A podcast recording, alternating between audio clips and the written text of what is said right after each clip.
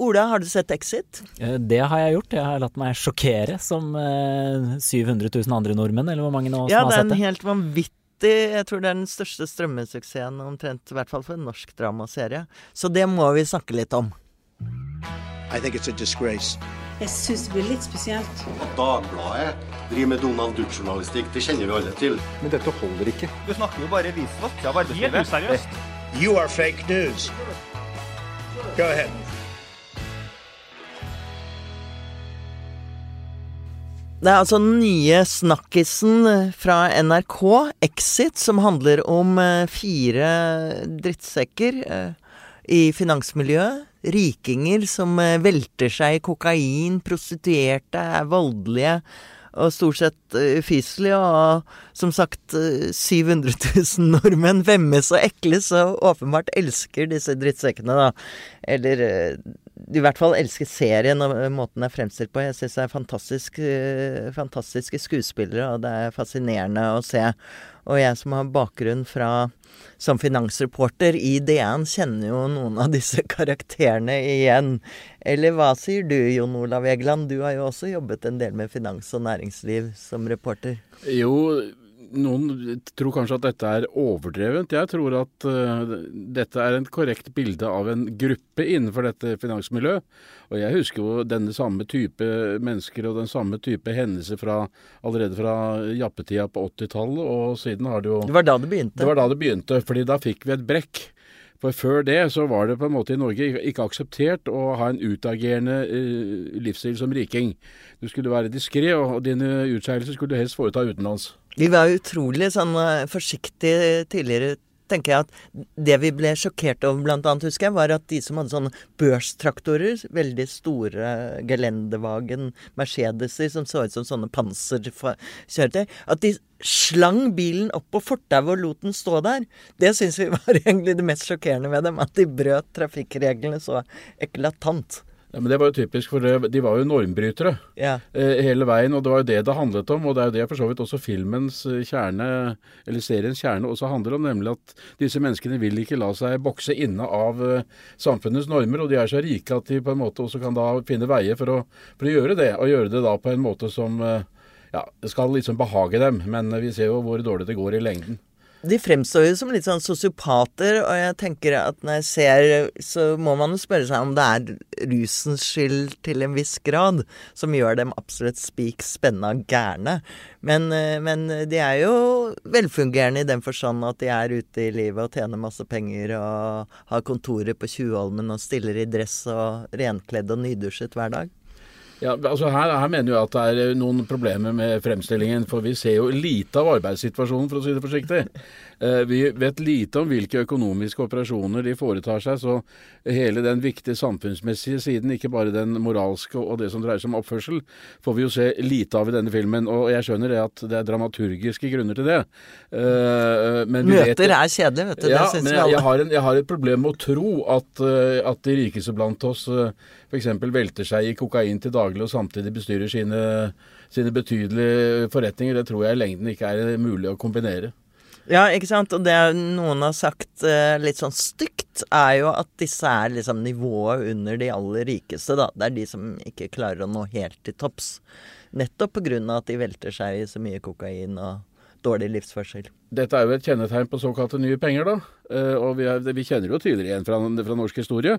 Uh, under første verdenskrig så tjente jo under den såkalte jobbetida, hvor det var kjempekonjunkturer for skipsfart i Norge, så ble det jo tjent enorme former, og, og, og de ble jo vist fram for første gang. Uh, mens da den egentlige overklassen jo så ned på dette. Denne utagerende oppførselen med, med, med champagne på Grand Grang osv. Jeg tenker her på revyen og filmene om Bør Børson f.eks., som er et eksempel på dette. Og apropos forrige århundre, holdt jeg å si. De kvinnene i, i, dette miljøet, de har ikke så mye de skulle ha sagt. Altså, de er, eh, jobber sjelden, og det er jo ikke noe særlig kvinner blant disse finansinvestorene heller. Og det vet vi jo er korrekt. Ja, det er jo de, det er jo masse kvinner, men de er, ikke, de, ikke et, de er ikke, gift med dem, for å si det sånn. uh, så det er jo for så vidt ikke noe mangel på kvinner i deres liv, men de har jo et, de har et helt atskilt forhold fra sin familie. Det er jo et gjennomgående tema i dette, og til de kvinner som egentlig burde stå dem nærmest. Et, et egentlig forferdelig, forferdelig, kvinnesyn, men også et uh, menneskesyn generelt, som rangerer liksom alle mennesker etter hvor mye de tjener. Og der er selvfølgelig disse alfahannene øverst, da, de som har tjent aller mest. Og det er det de må vise seg frem hele tiden og pisse på hver hjernestolpe. Og, og hvis noen utfordrer dem, så svarer de gjerne med vold og brutale liksom, motangrep. Ja, Vi kjenner jo igjen, eh, altså bortsett fra det voldelige, da, at eh, det er denne hensynsløsheten er jo en del av også denne delen av forretningslivet. Eh, hvor, man, uh, hvor allianse brytes, vennskap ikke betyr noe når pengene kommer alltid først. Mm. Og det er jo da, det, Dette kommer helt frem også klart i, i, serien, og det blir jo et uttrykk for det. At uh, det er penger som, får, som betyr mest. Det er det tunge på vektskålen i alle spørsmål. Det er livets egentlige mening for disse menneskene. Det er jo litt, tror jeg, lenge litt kjedelig, selv om jeg tviler ikke på at det er morsommere å være rik enn å være syk og fattig. Ja, de virker jo De virker jo unektelig som de har et litt uh, trist liv, og de uttrykker det jo også. De griner jo har det trist og prøver å ta livet av seg osv. Men uh, vi i serien så noe av det som eneste som irriterer meg faktisk med serien, er at de har en sånn liten sånn disclaimer på begynnelsen hvor de sier at de har snakket med snakket med fire finansfolk liksom for å si at dette er bygget på liksom virkelige historier. Men du trenger jo ikke gjøre det så mystisk. Altså dette leser vi om i Dagens Næringsliv, hvor jeg jobbet i mange år eh, med dette temaet bl.a. Eh, jevnlig dokumentasjon på dette her, og vi vet jo også fra offentlig dokumentasjon som, som nettopp nabotvister, søksmål, skilsmisseoppgjør. Eh, vi vet jo at de oppfører seg på denne måten. Ja, det er, dette, er, dette, er, ikke noe nytt i det hele tatt for den som følger med her. Eh, det, det, det fine her er jo at man har klart å gi det et troverdig, dramatisk, dramaturgisk uttrykk. Eh, fordi dette er så avvikende fra norsk livsførsel ellers at, at, det lett kunne fremstå som en parodi på hvordan disse menneskene oppfører seg. Men dette er faktisk en, så langt hvert fall jeg kan bedømme, en, en ganske god gjenspeiling av livet hos enkelte av disse, denne type aktører. Ja. Vi må si at det er enkelte, for det er ikke det. Og jeg øh, skrev en kommentar denne uken at, at øh, hotellet til Petter Stordalen The Thief fremsto nærmest som klubbhus. Men øh, jeg tror Stordalen mener nok at de fleste av hans klienter også er mer normale enn dette er. Men det ligger jo et veldig alvor, tenker jeg, bak i denne serien nå som hadde vært interessant å snakke om, og det er jo denne enorme rikdommen som har veltet innover landet de senere årene. Og det så vi ikke minst i Kapitals ferske eh, liste over eh, de 400 rikeste i landet. Og det var helt ville summer. Det var eh, ny rekord i antall milliardærer. 341 milliardærer er det nå i Norge på denne listen. Og bare for å komme med på listen over de 400 rikeste i landet så måtte du ha 800 millioner kroner. det, er, eh, det er store summer. Det er enorme summer, og eh, det interessante er jo at det følger et mønster i den vestlige verden, og i land som India og, og Kina for øvrig, at avstandene mellom eh, vanlige lønnstakere og de rikeste øker dramatisk. Vi er tilbake til forholdstall som minner om tiden rundt første verdenskrig, faktisk. Den ene øverste prosenten eh, i, av de rike her i landet, de eier de økte. De har en, eh, omtrent eier seg omtrent en fjerdedel av all privatformue i landet, den ene prosenten. Dette er en formuesopphopning eh, som er på linje med, med Storbritannia. Uh, ikke sant? Vi er på Downton Abbey. Vi er på Downton Abbey-nivå, og Storbritannia er jo som kjent et veldig klassisk uh, klassesamfunn. Mm. Uh, slik at mange i Norge har det jo godt, så det er ikke noe tvil om at det er en bredere Under de rike så er det en bredere fordeling av rikdom. Men vi har altså en pga. arv, og pga. at de nå tar en større andel, større andel av verdiskapningen, så blir de rike veldig mye rikere. Og det er jo, Du skriver veldig godt uh, Marie, om at vi må snakke om disse drittsekkene som er i denne verden, men uh, det er jo som vi er inne på her, en veldig god grunn til å snakke om uh, alle disse, helt uavhengig av hva slags moralsk kompass de, de, følger i både forretningslivet og privatlivet. Altså Det er når penger hoper seg opp på den måten, så hoper jo også makt seg opp på den samme måten. og jeg syns jo det er noe av det artige i serien å se, som vi også har vært litt inne på, da, med den sånn måten de bare gjør ting på helt uten tanke på konsekvenser, fordi de uansett er så sikra. Altså ingen, ingen, vanlige mennesker kunne oppført seg på den måten uten at det hadde fått alvorlige konsekvenser for både privatliv og måten man hadde lyst til å leve videre på. En, en nøkkelreplikk syns jeg nemlig er den der hvor han ene sier at tenk om du kunne gjøre akkurat, være, oppføre deg akkurat sånn som du er inni det. Nettopp. Ikke sant. Og det, det, er jo akkurat det de gjør. De går og slår ned folk, folk i parken. De uh, lurer jo altså sine nærmeste til å tro at de lever liv de ikke gjør. Altså den, det er jo en bryllupssekvens med noen rørende flotte taler fra en brud, f.eks., som vi ser, uten å avsløre for mye, da. Uh, som bare er ikke sant, på hvordan de, hvordan de bedrar både sine aller nærmeste og da tenker jeg at hvis man nå kan gjøre dette på samme måte da mot, eh, mot storsamfunnet ellers eh, helt konsekvensløst, som er, er, ganske brutalt. Men man får jo da i hvert fall ikke noe sympati for disse folka som roper på store skattelettelser og, og at de må trenger mindre formuesskatt for å skape flere verdier.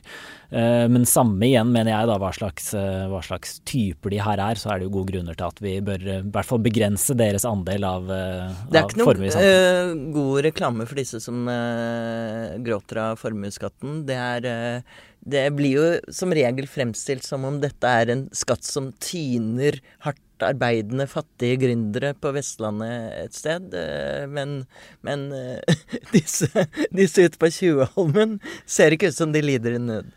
Jeg, jeg syns det er veldig interessant å observere den argumentasjonen som brukes ofte om disse forholdene. Nemlig at disse aller rikeste de skaper så mange verdier og arbeidsplasser. Som om de gjorde det helt alene. Som om det ikke har noen ansatte. Som om det ikke er tusener som rer seg i hotellene deres, eh, eller bygger båtene, eh, osv. Eh, de, har, de selger, en, de selger en, en, en, forståelse av verdiskapning som er helt totalt feilaktig. Altså På topp ti-listen er det vel stort sett shipping og kolonialfolket. Kolonialfolket har uh, steget frem til å være de Så det er du og jeg som handler på disse butikkene? De har, de har åpenbart gode marginer, og det er da også et nærmest et duopol blitt dette markedet nå. Men ser man noe vilje til Altså, vi har jo hatt i flere diskusjoner om dette her. Det Raddisreiret OECD har jo til og med sagt at uh, ulikhet er, er, ikke bra.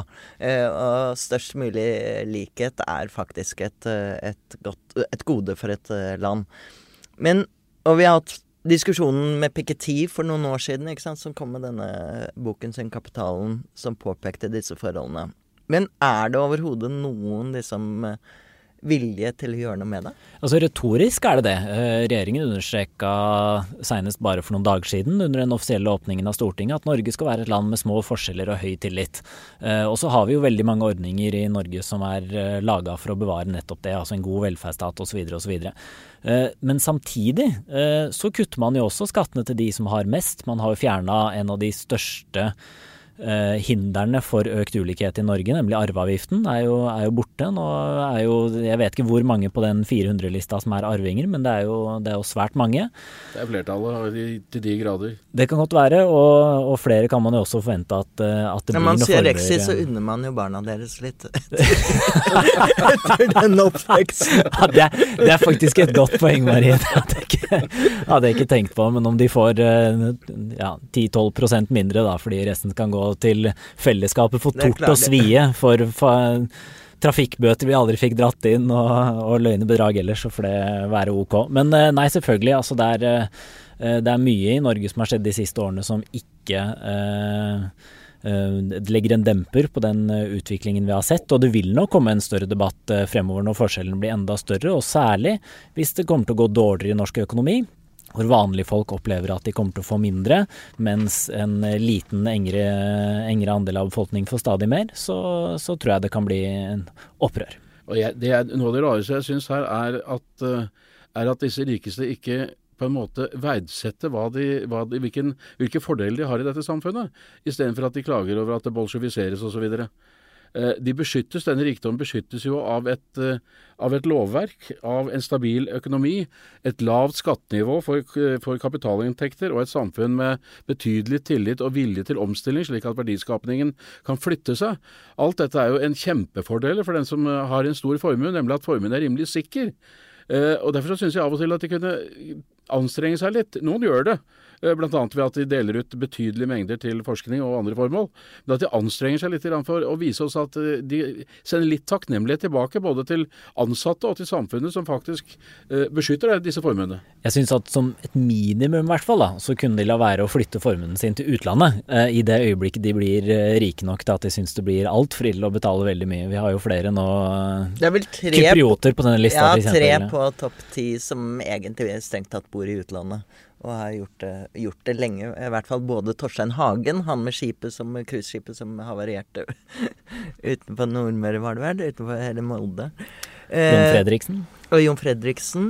Og Stein Erik Hagen, hvordan er det med han? Ja, deler av formen hans ja, er i deler av Sveits. formuen hans er i Sveits. Så der, eh, der trives, trives de godt, eh, ser det ut. Men, eh, men vi kan vel slå fast, som Dagbladet gjorde på lederplass, at Norge er et paradis, rett og slett, for eh, milliardærer. Eller formuende. Ja, det er Norge. eh, At det er et av de tryggeste og beste stedene som man kan være rik i. Eh, og da må de rike også skjønne at eh, når man stiller spørsmål ved, ved disse tingene som kommer opp i denne serien, og, og som vi snakker om her, så er det ikke av misunnelse, det er et spørsmål om rettferdighet. Når, når det kommer kritiske røster, og det tror jeg det er viktig å, å fastslå. Eh, jeg i hvert fall føler aldri noensinne følt noen misunnelse overfor rike mennesker. Eh, de har mye Ja, for det er det de som ir- det irriterer meg, liksom at, at det var en som skrev på Ytring, NRK Ytring i, i dag, eller denne uken i forbindelse med serien, og sa at vi må heie mer på disse rikingene, og vi må slutte å se ned på dem. Som om vi ikke heier så det ljomer gjennom eh, landet her. Det var, en, det var nylig at det ble, var en, eh, det ble gjort en liten undersøkelse om hvis folk skulle velge seg en ikke-politiker til, eh, til Norges statsminister, og da valgte de selvfølgelig med en gang Petter Stordalen. Eh, altså, Og det var alle disse rikingene på toppen. ja, nettopp. Slik at de har jo en Nå er jo betydelig- Petter Stordalen en av the good guys. Da. Han er absolutt en av de, de som det er verdt å, å diskutere med, og som har en samfunnsforståelse. Eh, Men han er jo relativt eh, enslig, etter min oppfatning, på den toppen eh, når det gjelder de spørsmålene. Ja, og han får jo god drahjelp av svært eh, lavtlønna arbeidere på alle hotellene som skifter senger og ditt og datt hver eneste dag, så der jeg vil jeg nyansere det bildet litt, men, men jo da. Ja, og Jon Olav har en teori om at dette med at han er så klimavennlig at du ikke skal vaske, vaske håndklærne dine og sånn, det er jo bare noe han tjener penger på. Ja, jeg bor ofte på hotellene, og hotellene så jeg, jeg, ser hvordan, eh, jeg ser hvordan alle miljøtakene, også miljøtiltakene, som i seg selv er utmerket, men de har også en, åpenbart en kostnadsbesparende effekt.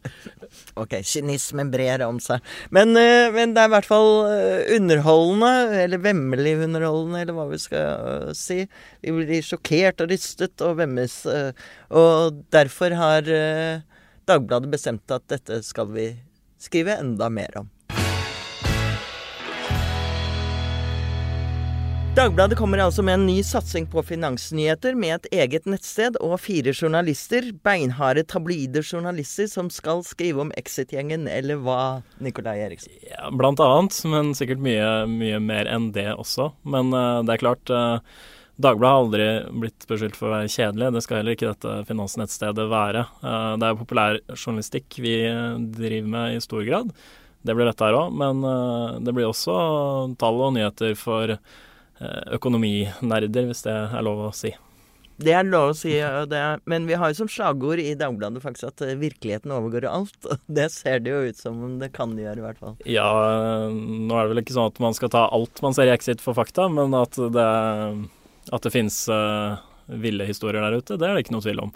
Og det er selvfølgelig også ting man ser på. Det som er spennende med, med nettopp finans, er jo uh, litt som jeg leste i en strålende kommentar uh, i Dagbladet. Det er jo mye makt i penger, og da er det jo selvfølgelig naturlig at vi følger den makta og ser hvordan den forvaltes. Så det er jo noe av det vi Follow the money er jo liksom eh, den gamle journalistiske devisen som gjelder overalt, og særlig her, selvfølgelig. Men det er jo en ganske hard konkurranse på dette markedet etter hvert. Eh, Du har selvfølgelig DN, så har du Finansavisen, du har E24, du har eh, mange om beinet. Hva er det som eh, gjør at Dagbladet skal lykkes?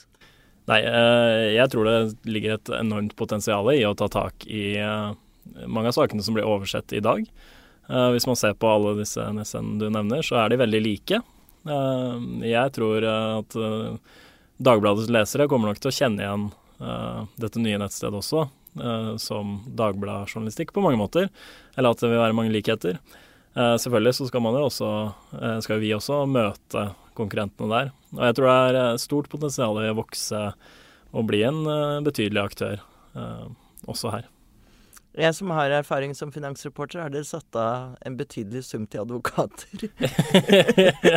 ja, det, det, slipper heldigvis jeg å bry meg, ja, bry meg om. Det skal du få slippe å svare på. De er litt hårsåre, noen av disse gutta. Ja.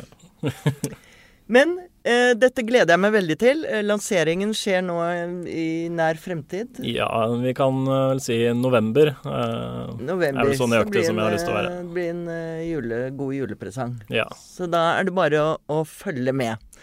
Takk. Dette var en uh, høstferieversjon av uh, Siste med Marie Simonsen. Litt for kort versjon, men Exit spesial, vil jeg si. Uh, ved min side sitter som vanlig Ola Magnussen Rydje. God helg.